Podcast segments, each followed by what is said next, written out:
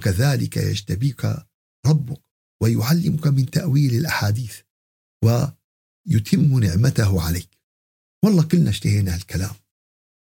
وكلنا يعني هالكلام هيك يعني أثر فينا.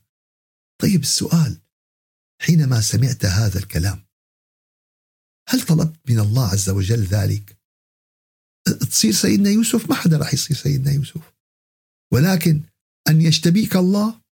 الباب مفتوح. أن يعلمك الله عز وجل الباب مفتوح.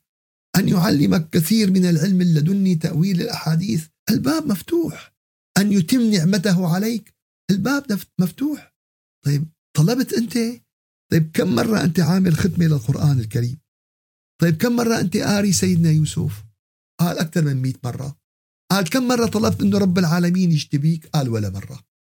يعلمك من تأويل أحاديث قال ولا مرة قال يتم نعمته عليك. يا أحبابنا اليوم بدنا نقرأ القرآن ونحن نشعر أننا بمعية الله عز وجل. ونحن نشعر أنه معنا.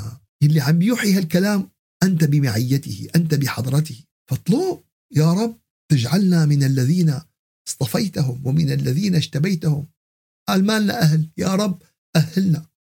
يا رب هيئنا.